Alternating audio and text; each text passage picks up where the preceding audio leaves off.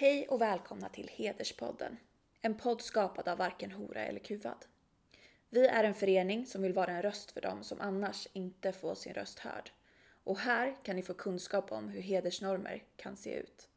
Om ni vill veta mer om hedersvåld och förtryck kan ni läsa vår metodbok Respektguiden. Den handlar om hedersnormer och vilka rättigheter de som utsätts har. Ni kan även läsa Varken hora eller kuvats rapporter 11 och 1200 som kartlägger hedersförtryck i Stockholm och Göteborg. Vi har också vår tidning Förortsfeministen där vi skriver om just hedersnormer.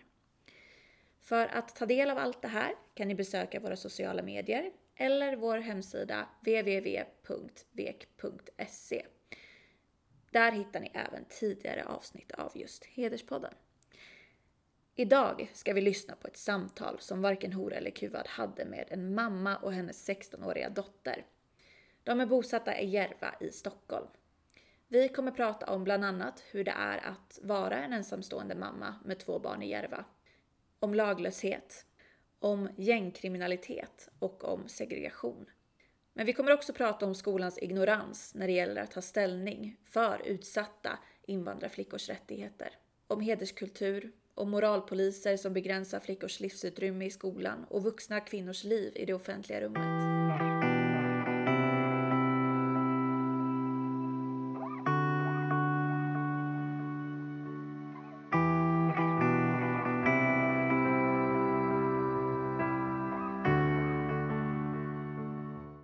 Jag bor i Järra. Jag är mamma. Jag har två barn. Jag är Twente. Och eh, Järvaområdet, det är farligt område. Det händer varje dag som kriminella och många människor de säljer knark och olika vapen. Det finns vapen det finns, eh, det finns olika händer, det, det händer varje dag i området. Eh, men tyvärr, det finns inte svensk som lever i området. De sitter på villa, de kör bilen, de åker inte med tåg, inte med buss. Men alla, alla områden som invandrare, mycket invandrare det finns på området. Men tyvärr... Du, de... menar, du menar att det är, det är segregerat, det finns inte så många svenskar som ser det.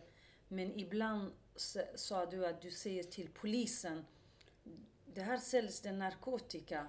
Men de, de vill inte göra någonting och ingen vill berätta heller. Kan du berätta det där? Jag tror polisen vet. De vet. Men tyvärr, de gör ingenting.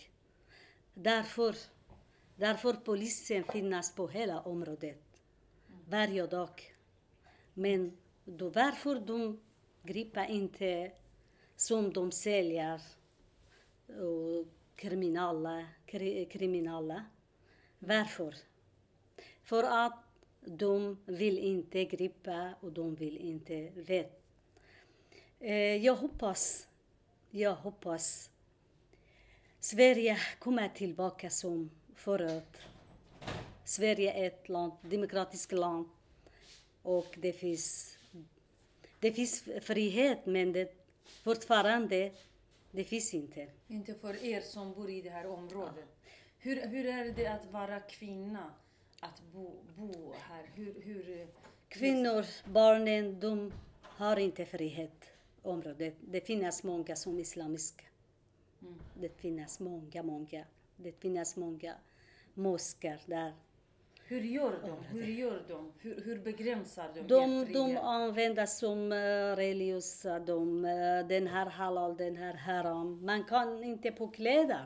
Man kan inte gå ut på natten eller på kvällen. Det... Vad säger de? Säger de någonting? De sa alla haram. Om du går ut med en klänning på sommaren? De kollar på mig de kollar på flickorna, på kvinnor som eh, inte som islamisk sjal eller mm. långkläder. Men du själv är muslim också. Du Jag är muslim men, men jag du är... du, du, de är inte dina representanter. Ja, De ja. Men är, den de här... män, är det män mest? Vad är det? Vad, vad, är det? Är de män eller är det, är det kvinnor också? Som, är, som begränsar, som Ja. säger... Ja, men, eh, men de eh, som eh, Isis. De är som Isis. Jag är muslim, ja. Mm. Men de är som Isis. Vad, vad är det? Är, är det mer uh, Isis, al-Shabab, är det någon stöd för dem från andra länder? Vad, vad är det? Vem stödjer alla de här? Hur... De kommer från olika länder. ja. Ja. Och halva området, de hyras ut svart. Det sitter många människor, vi vet inte de var kommer, var går. Du Man menar det är svarthandel, det är svart, det är gäng och det är sälja och köpa. Ja. Du, du, du berättade för mig att en tonårig tjej blev våldtagen men mamman ville inte att polisen skulle berätta för att hon, de skulle mörda henne, familjen. Även våldtäkter, man vill inte prata om öppet. Ja, det är många tjejer också. De hämtas från hemlandet, de måste gifta sig där. Okej. De kan inte. De vågar inte anmäla här. De är rädda för familjen. För familjen både i, i hemlandet här- och Som här Sverige. Det är den här i Sverige. i Sverige. Ja. Det är där man hotar om man går till polisen så Nej, ska... de, de vågar inte. De Så- är rädda för familjen. Så, så du menar på att det, det, för, för, för sig, alltså det, det pågår barnäktenskap och tvångsäktenskap men ingen vågar. Nej, Ja. det är svårt. Vuxna kvinnor också. Om en vuxen kvinna skulle bli bortgift mot pengar, skulle hon våga berätta för polisen? Nej, de kan inte. De vågar inte. De vågar inte berätta Nej. om utsatthet. Nej.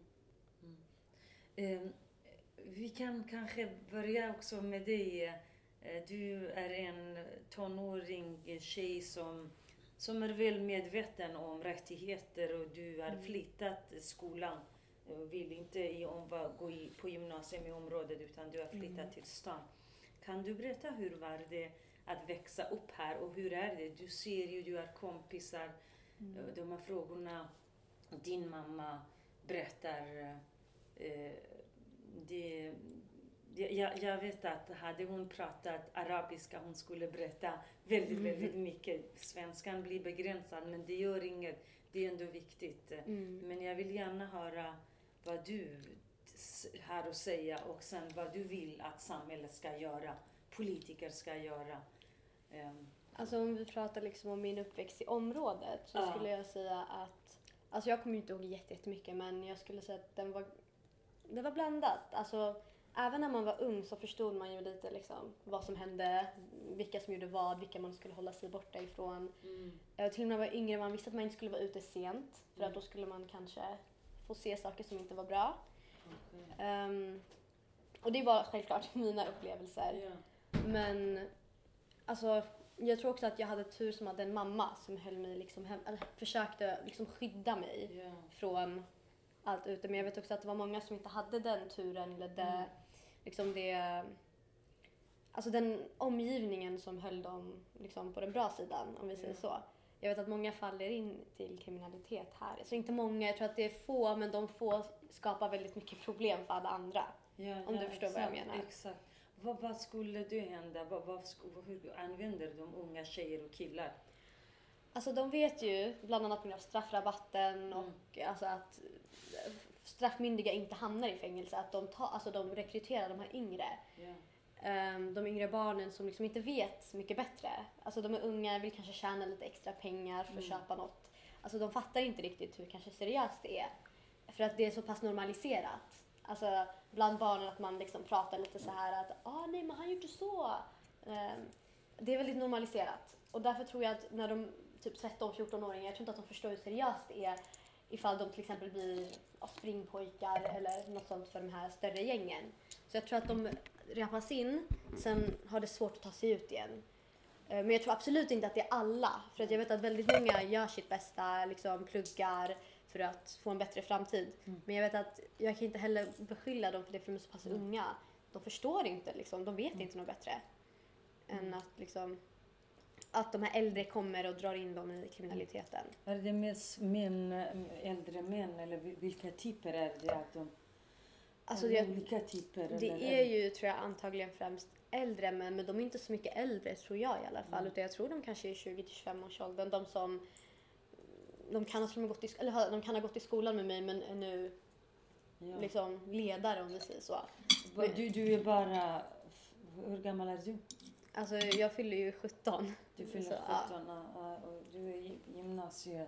Och du har, du har bott hela ditt liv här? Ja, precis. I Hela 17 år. i Järvaområdet. Hur- Hur, för tjejerna, hur var situationen? Det här, din mamma berättar, hon är vuxen kvinna, att man, man eh, eh, vad heter, eh, pratar om eh, att kvinnorna, till exempel moralpoliser, de tillrättavisar, den är haram, du är klädd så du röker, du ska inte vara klädd på detta vis och du kommer hem sen, de tittar på dig sned. Hur, hur, hur, hur var det att vara ung och, och, och, och barn? Man är ju barn fortfarande när man är under 18. Ja, precis. Och hur, hur upplever du? Kan du beskriva? Alltså det är ju definitivt tufft skulle jag säga för att alltså tjejer har redan en så tuff press på sig själva att ehm, liksom vara de bästa, att vara liksom hela tiden gå framåt och att sen även ha liksom, ah, du kan inte ha på dig det där, varför kan man se dina armar? Och sen även ha killar i skolan som hela tiden ska trakassera för jag vet att det var mi- mina upplevelser och mina vänners upplevelse också. Att de i skolan trakasserade er för att ni var... Ja, vi var alltså inte Ja. olika, jag ska inte sätta mig själv i den boxen, men att vi liksom inte... Vi passade inte in i deras normer. Exakt, vad, vad är det deras norm? Det är det jättemånga inte, jag och du förstår. Men många förstår inte vad är deras norm. Är det att vara svartklädd och helt liksom, eller om man har lite urringat eller om man har beteende, skrattar högt. Eller vad, vad, vad är det Alltså- deras norm? De tycker inte om tjejer som liksom kan stå upp för sig själva, Ja. tror jag allmänt. Ja. Även om det liksom var tjejer som inte jag gillade så såg jag även att de fick samma typ av handling som oss. Så jag tror inte heller det var något bara med att vi gick genom deras normer utan att, om att vi bara, alltså att vi bara var lite mer, alltså kunde stå upp för oss själva. Ehm, och alltså om vi hade, alltså jag hade en kompis som blev kallad hora för att hon hade en urringad tröja. Den var inte ens, inte, inte att den gör någon skillnad men det var inte ens liksom urringad. Hon var och vi var, vi var 14 tror jag. Alltså det är sjukt. Hon- Var hon med svensk, etnisk svensk eller Mm, nej, hon har samma etniska bakgrund som mig. Mm. Så, alltså blev- inte svensk etnisk bakgrund. Ehm, och alltså det är ju inte kul. Och så, särskilt när man är ung så tror jag att det, alltså det lägger sig på minnet. Så, Mm. Ja. så när hon blev kanske lite äldre, eh, lite äldre, kanske hon hade inte på sig lika mycket urringat längre. För, För att just sådana grejer, alltså hon blev orolig för att De dikterade er frihet. Mm. Vad som är fritt och vad som inte. Alltså nu brydde vi oss inte särskilt mycket men när, det, när vi väl tog upp det här till skolledningen så fick vi ett svar om att det är som det är, de har det tufft hemma. Aha. Vilket var lite, alltså det var inte, jag kunde ju Dålig förstå. ursäkt. Dålig, ursäkt. alltså jag kunde ju förstå dem men man hade ju kunnat önska att man hade fått lite mer, alltså Stöd. Ja, stöd från de vuxna, de som har ansvar. Ehm, men samtidigt att de liksom kan, kanske hade ringt föräldrarna. Men sen undrar jag liksom om de är så här, hur ser föräldrarna ut? För oftast när man är i den här åldern då reflekterar man väldigt mycket på, alltså, mm, alltså man oftast är väldigt lik sina föräldrar. Eller vad jag har upplevt i alla fall. Så då kan jag ju tänka mig att om de hade ringt föräldrarna kanske det inte heller hade varit så stor skillnad. Nej. Så liksom. Men, men det, du menar på att det är oerhört skillnad att mellan vad tjej och kille Ja. och, och, och i skolan i området för att tjejerna, de, de vill styra tjejerna hur man beter sig. Till och med din mamma är ju din mamma vid 50 års ålder att man inte får vara själv och kunna ha samma frihet som folk i Djursholm eller i Täby eller i, i Solna och så vidare. Eller i Ja, men jag Östermalm. tror de upplever det också, men kanske inte i samma utsträckning. Alltså jag tror att det allmänt är ett problem för tjejer så. Ja. Men det kan, jag tror att det är lite eh, ska jag säga, grövre här. Mm. Eh, Men det finns fortfarande starka tjejer i skolan liksom, som står upp för sig själva vad killar än säger. Men jag tror att de ska inte behöva utstå det. Nej. De ska inte behöva sen bli äldre och tänka okej nu kan jag inte ha på mig urringat eller nu kan jag inte ha den här, det här linnet. Mm.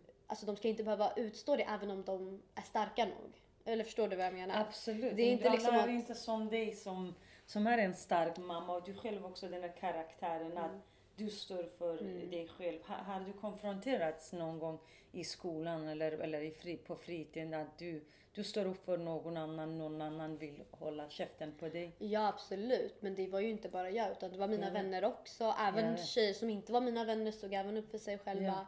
Men alltså det blev som en ond cirkel. Stå upp för dig själv, bli nedtryckt, stå upp för dig själv, bli nedtryckt. Sen Av inte- killar? Ja, av och killar. ingen stöd i skolan? Alltså det fanns ju, alltså viljan till stöd fanns där. Men, Men- agerade? Ja exakt. Alltså jag vet att jag hade lärare som gjorde sitt bästa. De ville liksom att vi skulle lyckas och de ville ge oss stöd. Men samtidigt så har de också sina chefer och de har också alltså, så, alltså regler som de måste följa. Så det är ju svårare för dem också att agera. Men det är fortfarande deras ansvar skulle jag säga. Exakt. Och det att man, man, man kallar till föräldrar och säger att det här beteende är Mm. inte demokratiskt, det är inte förenligt. Tjejer och killar har samma rättigheter här. Mm. Eh, Men eh, är det, tror du att det är mycket den här religiösa inslagen som är, är det kulturellt eller är det, är det generellt har blivit en kultur i förorten att en del, det är inte alla, det är ju en väldigt, väldigt få Ja exakt. eh, av de här yngre, äldre som styr många yngre och så blir det en ond cirkel. Precis. Är, är det mest det eller är det, är det re- religiös fundamentalism är starkt här i, i, i ert område? Alltså det kan ju vara det, men jag tycker om att tro att religion är något vackert och att tyvärr att mycket ke- alltså kultur har kommit in i det. Mm. För jag är ju agnostiker så jag liksom säger att jag inte vet om det finns något. Men jag vill Men inte din heller... mamma är muslim, ja, exakt. eller hur? Så jag vill inte heller liksom säga att jo men det är bara islam, det är bara sådär. Utan Mm. jag tror att det är väldigt mycket kultur, alltså maskerat som religion. Ja.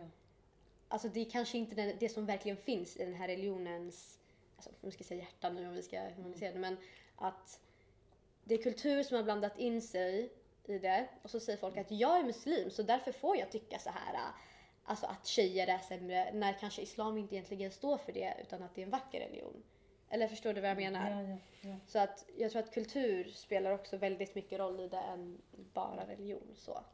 Men, men i så fall, det borde i alla de här, eh, alltså både i islam och i kyrkan och eh, eh, allt det här skulle man säga i så fall. Men ingen av de religiösa ledarna står där och säger att nämen barnäktenskap är dåligt, det här sättet ni beter er det är dåligt, tvångsäktenskap och könsstympning är dåligt. Och de säger ju inte heller, jag menar de religiösa ledarna står inte upp för fl- flickorna, för era rättigheter.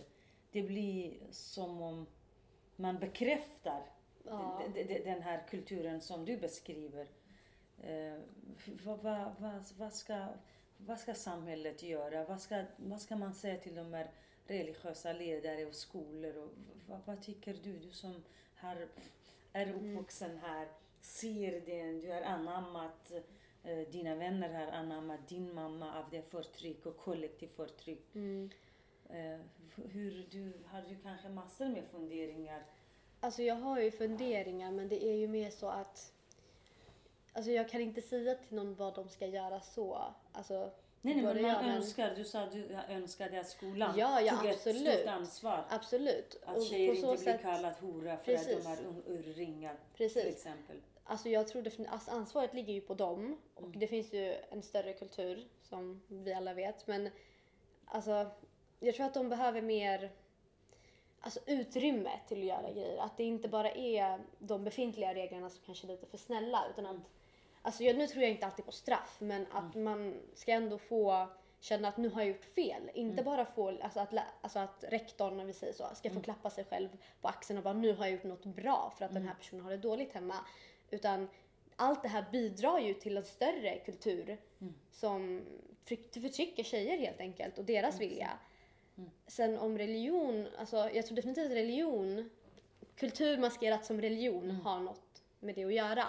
Och att de religiösa ledarna, vissa gör ju också det, men att de inte bekräftar det. Återigen så tror jag att det är deras kultur. Alltså att den här kulturen, alltså deras kultur tycker något men de säger det i namnet av till exempel islam. Eller förstår du hur jag tänker? Mm, jag, jag förstår. För att jag har ju vänner som är muslimer, har sjal till och med, vissa frivilligt har sjal. Och de de har absolut inte de här åsikterna. De tycker att alla ska få klä sig som de vill, älska vem de vill. Alltså, men jag tror att det är en alltså daterad idé av kvinnor som kommer från kulturen. Mm. Ja. Sen ja, vad man ska säga om religionen bakom det, så- alltså det vet jag inte riktigt. Det har jag inte svaret på. Känner, känner du i din barndom och ungdom tjejer som har blivit bortgifta eller könsstympade? Hade man kunnat prata om det eller finns det men man pratar inte om det? Eh, Eftersom i hederskulturen det är så Mm. mycket tabu, det är så mycket aib. Ja. Eh, hur... Alltså inte så, inga äktenskap så som jag har fått, alltså från, i min omgivning i alla Ja. fall. Men jag tror inte heller jag hade vetat det ifall den var liksom bara, ah, men nu byter jag skola hit då och så blir de bort. Alltså jag skulle inte ha vetat om det kanske. Nej. Just för att det är så Ja. hysch hysch, alltså runt omkring det. Men Försvann, försvann tjejer i skolan? alltså jag, Du nej, kommer inte ihåg det? nej. Ja. Eh, men alltså just hederskulturen där, eller hedersförtrycket, det kanske inte manifesterar sig just i att de blir bortgifta utan det är snarare mer att de får inte gå ut sent på kvällen som sina bröder. Deras bröder kan vara ute till klockan fyra på natten men de ska stanna hem, de ska vara hemma innan det är mörkt. Så om det är vinter måste de vara hemma klockan tre på, alltså så här på dagen. Och, eh, eller precis efter skolan. Eh, Och det vet jag i alla fall. Det är många, många tjejer.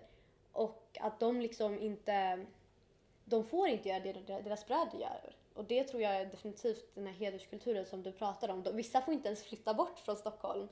Inte ens för att plugga. Vilket jag tycker är helt sjukt. Och de får inte flytta ut tills de har gift sig.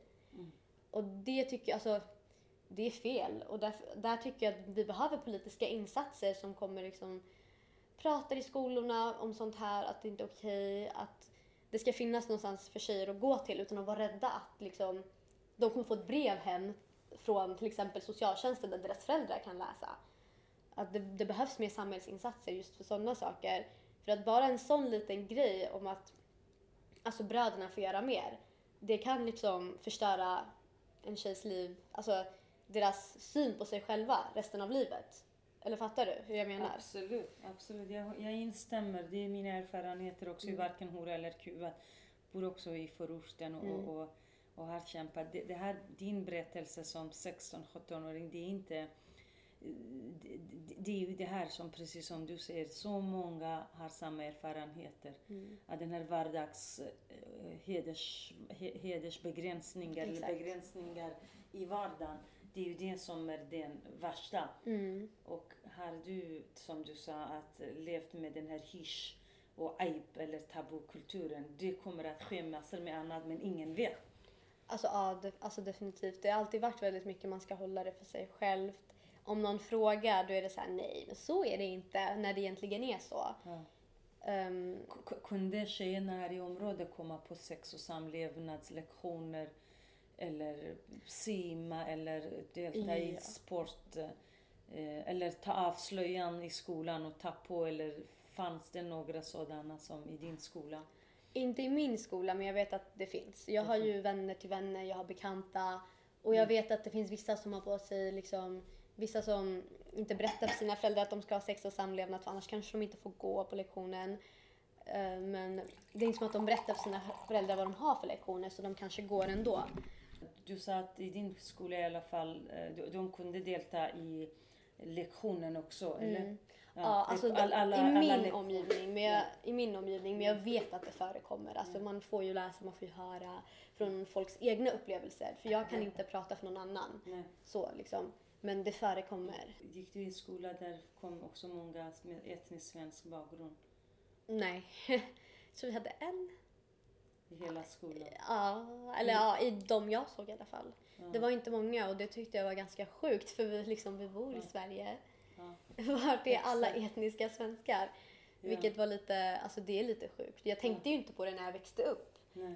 Eh, Det var ju en vardag så. Ja. Och sen när man växer upp, börjar gymnasiet, efter att ha gått en skola där det var, inte var jättemycket etnisk svenska utan man fick, liksom det blev en stor omväxling. Ja. Vilket- Hur, hur känns det att helt plötsligt flytta till stan och träffa svenskar där?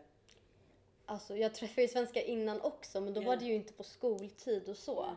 Men alltså att få gå i skolan och så, det var ju lite av en omväxling för alltså det var mycket lugnare, eller jag vet inte om jag ska säga så, kanske för att jag var lite äldre, men det var lugnare och det var inte lika mycket, alltså det var inte lika mycket skit som tolererades i alla fall i en sån skola. Uh, alltså minsta lilla grej, då blir du avstängd. Alltså det är inte så att du får flera chanser, att du får liksom någon förståelse så. Utan att gör du fel så kommer du att få konsekvenser, vilket jag tyckte om väldigt mycket. Sen när jag tittade runt så var det väldigt många som hade gått i, vi säger grundskolor där det var fler etniska svenskar som hade exakt samma sak. Att det var, gör du fel så kommer du få konsekvenser för det. Men jag upplevde inte att det var så i min skola här i förorten. Man, man accepterar den här, eh, man tolererar en hel del under namnet du är din kultur och du är invandrare. Ja. Och så sett de här ungdomarna växer, det vet inte de vad som är rätt och fel. Precis. Eftersom det blir rabatt Precis, det var det jag tänkte också så här när, alltså jag vet inte om jag ska säga trakasserade, för vi brydde oss inte om det så mycket men det var ju jättejobbigt definitivt. Ehm, jag hade en kompis som blev sparkad i benet och framför rektorn, vilket jag tyckte var helt sjukt. Jag vet För inte att? vad, han fick gå vidare, jag tror inte han fick några konsekvenser alls. Men varför, fick, varför blev hon, hon blev slagen eller han? Eh, hon blev bara sparkad, alltså hon blev inte jätte, För- hon blev inte skum, hon blev ju chockad Ja, såklart. för att hon hade kort kjol eller vad var det? Nej nej, hon var själv muslim och hade själv sjal, så jag tror inte det spelar någon roll. Alltså Nej. de bara typ inte Nej. tycker om tjejer alls så. Jaha. Och inte respekterade henne som en tjej skulle jag säga. Så han sparkade henne i benet och innan dess hade han kallat flera av mina tjejvänner horor, både muslimer och icke-muslimer. Och det var nog inte bara han utan han och hans killgäng så. Vilket jag tyckte var sjukt att, eller vad jag såg i alla fall, det kanske hände något bakom kulisserna eller som vi säger så att de, att, något, att han fick något, eh, någon konsekvens. Men inte vad vi såg i alla fall. Men det var Eh, ju viktigt att där ni är, någon markerar. Vad fan, vad håller du på med? Eller hur? Mm. Precis. hur gammal var du då? Oj, ja 15. Så där 14, 14, Och 15. de också var 15, 14, 15? Ja, något år äldre kanske. Mm. Ehm, och så när, alltså det jag var mest orolig över var att ifall de inte fick några konsekvenser för att se att det här är fel, alltså både för deras skull och andras skull, så kan det bli svårt att fatta var gränserna går, vad som är okej, vad som är inte okej och att om de fortsätter sen vidare med det här beteendet i till exempel gymnasiet, då är inte det tolererat. Alltså om de gör något mot någon annan, det här kommer inte bli tolererat. Och det kommer ju bli svårt för både dem och sen de som går i deras omgivning. Så alltså ingen vinner på att man är så pass, alltså att man inte, inte delar ut straff men att man har så här väldigt lindriga saker i förortsskolor. Exakt, när jag jobbade som socialarbetare Mm. och varken Hora eller Kuvas ordförande i Botkyrka så vi hade såna här ungdomar från 15, 14-15 års ålder och jag kommer ihåg att både killar och tjejer uppskattade väldigt mycket när vi berättade att det är bra att hålla dig liksom ren nu. Du Mm. blir snart eh, byxmyndig brukade vi säga på den tiden när man är f- 15 så, Mm. är, så, är, så är man i alla fall har lite, lite skyldigheter också. Mm. Och hamnar man massor i sådana kriminella gäng Mm. och, och annat, då kunde man inte få körkort. Då kan man inte liksom eh, söka vissa jobb och så. Mm. Och de uppskattade väldigt, väldigt mycket. Och både svenska ungdomar och invandrarungdomar. Men i, idag i förorterna, vad jag hört fr- från alla, det är mycket den här trakasserierna. Alltså killar går ihop mot tjejer. Och att, att man kontrollerar sexualiteten, det är de som sätter agenda. Det, det är det som är också lite läskigt tycker jag, att, att tjejerna inte får egen röst. Och ingen säger till de här killarna, det här är inte okej, precis som du säger. Det är för deras egen skull. Mm. För att den här förväntningarna, var, var, varför är skolan rädd? Är, är personalen rädda? Är, är de bryr sig inte, de bor inte här, de bryr sig inte. Vad va, vad är det? Varför är det så, så svagt i skolan? Alltså jag vet inte. Jag var, alltså jag var ju väldigt chockad sen när man väl kom ut ur den skolan. Att liksom, alltså, för jag fattade nog på någon nivå att det inte var normalt att eleverna inte fick, eller så här, om tjejerna gjorde någonting då skulle föräldrar blandas in. Alltså det, om det var något lite så här tjafs kan man säga bland tjejerna. Då kallas föräldrar in, då ska man ha ett möte. Men när kill, alltså när de kunde ha hela bråk så var det mer okej du nu splittrar vi på här, du får vara här så får han vara här. Du får kanske gå hem för idag. Alltså, det- och jag tror tror att det är svårt för lärarna också. För att jag vet att jag, upplevde, alltså jag såg när en, eller inte såg, men jag fick höra hur en lärare blev eller så här, omringad av flera killar som liksom satt och skrek och eh, läraren var liksom rädd för, sig, för sin säkerhet. Och som jag förstod det så ville sen skolledningen att hon skulle be om ursäkt till eleverna som hade omringat henne för att hon hade puttat iväg eller så här för sin egen säkerhet. Nu vet jag inte exakt om det var så, men för jag kommer inte ihåg. Men jag kommer ihåg att jag var jättechockad att jag bara, hur, vilket land lever vi i? Det är inte så det funkar. Känner man sig hotad, då får man putta iväg någon. Man ska inte behöva be om ursäkt ifall man känner sig rädd. Du hörde, Mm. det var exakt samma fenomen när en f- kvinnlig polis i någon förort, Mm. det var häromveckan, eh, visade att när, när, när hon ville ingripa så kom killarna och omringade henne och hon skulle ursäktas för att de, alltså det, det, det är, den här växer. När de blir äldre, det blir värre mot Mm. poliser, mot eh, blåljus, mot lärare, mot kvinnor. Ja, alltså folk som bara försöker göra sitt jobb. Och för mig är det liksom sinnessjukt att de inte får veta att det är fel. För att som jag säger, som du också säger, att det här fortsätter sen mot blåljuspersonal. Det fortsätter eh, alltså, som ett allmänt beteende. Om det inte får, alltså om, om de får höra, nu, har, nu vet de säkert att de gjorde något fel. Och sen att den här kvinnliga läraren ska då gå och be om ursäkt till dem.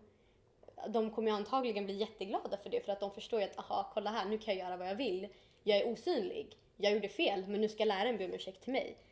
Och det var något alltså, så här, sjukt. Och att jag vet inte om hon, den här läraren fick stöd från skolledningen, men jag tror inte det.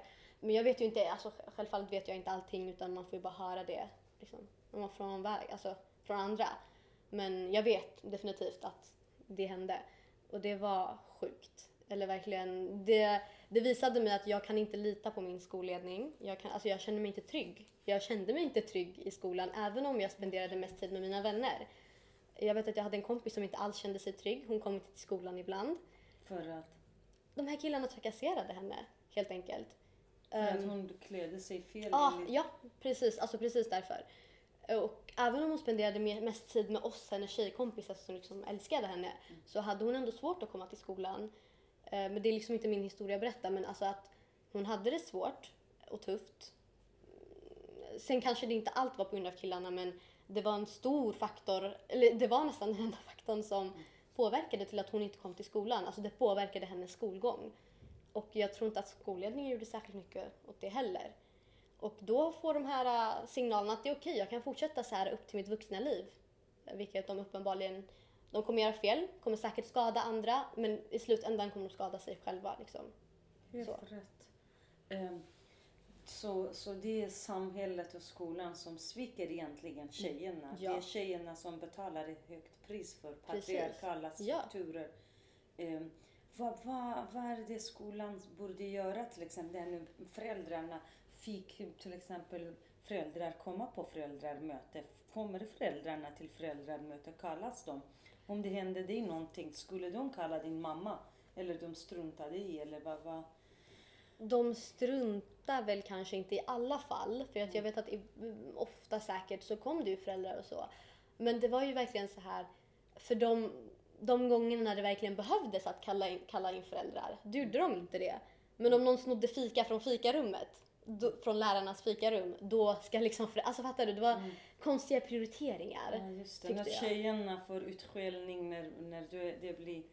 Var det också narkotika och an, annat som förekom? Det fanns, alltså det fanns. Men det var inte så att det påverkade alla eleverna. Nej, utan nej, jag fattar, det var mer, man visste vilka som höll Ja. på, man visste vilka som hade. Men alltså det var inte otryggt på det sättet. Alltså Mm. när det kom till narkotika och så. Det var ett år sedan du lämnade skolan Ja. här. Och, och, eh, men men, men du, du har också dina kompisar med? Eller, Ja, ja. Vad Eh, är det, tycker de likadant? Dina kompisar att det är väldigt stor skillnad och det är mycket tryggare och... Ja, jag tror faktiskt det. Mm. Alltså jag skulle säga det. Um, jag, kan inte, jag vet inte exakt vad som är i deras Nej. hjärnor men jag kan tänka mig att de kan känna det tryggare och alltså bara på, på sättet som de pratar om sin skola. Herregud. Men det blir ju ett helt, det kommer ju ett nytt, alltså ett nya problem. För då finns det ju rasism, ytterligare sexism fast för andra anledningar. Så det är ju fortfarande tufft att liksom vara en tjej i dagens samhälle. Så liksom. Vad, vad hade du, både när du var yngre eh, i den skolan här, men också nu i, i, på gymnasiet, vad skulle du önska? Förutom att engagemang från skolans sida, vad skulle man göra på politiskt håll? Jag vet att det inte är lätt, mm. men, men jag tycker att du är så himla... Du sätter ord på saker och ting. Ändå mm. kanske man har någon idé. Det här samhället, du har sett liksom med dina ögon det här mm. segregerade, mm. total etnisk segregering och i skolan könssegregering eftersom tjejerna fick inte utrymme och sen är du nu i stan. Och det mm. blir liksom, du får ju väldigt, väldigt bättre världsbild än mm. många andra för det. Alltså jag tycker att politikerna behöver ta ett hårdare tag. Alltså jag är inte, alltså hur ska jag förklara det? Att istället för att vara väldigt så här, ja ah, men nu gör vi dem straffrabatt, nu är vi så. Alltså som, jag kan tycka att det är en bra idé med saker som till exempel straffrabatt. Men det sätter bara unga i en lite mer av en utsatt position mm. där gäng, alltså, vad heter det, yrkeskriminella vet att okej, okay, men vi tar de här yngre eller vi anställer om vi säger så. Vi rekryterar dem för de kommer ändå inte få så stora konsekvenser från liksom, polisen och så. Så indirekt så känns det som att man ger dem en hel grupp av, eller vad ska man säga, en hel grupp av ungar som inte kan bli straffade från lagens sida, som vet det och då känner sig osynliga. Och sen det här beteendet håller sig tills efter de fyllt 18 och då kan de liksom hamna i fängelse. Men de får inte riktigt förstå det. Och även liksom att de ger skolan mer utrymme att stänga av elever, särskilt i grundskolan. För jag vet att det finns ju skolplikt, skolplikt och sånt. Men att om de här eleverna är, alltså, ja, alltså orsakar en otrygg skolmiljö för andra elever, då borde de liksom kunna omplaceras eller stängas av och få göra det hemifrån så att de verkligen förstår. Vi på Varken Hora eller Kuvad vill tacka dagens medverkande. Ni har lyssnat på Veks hederspodd.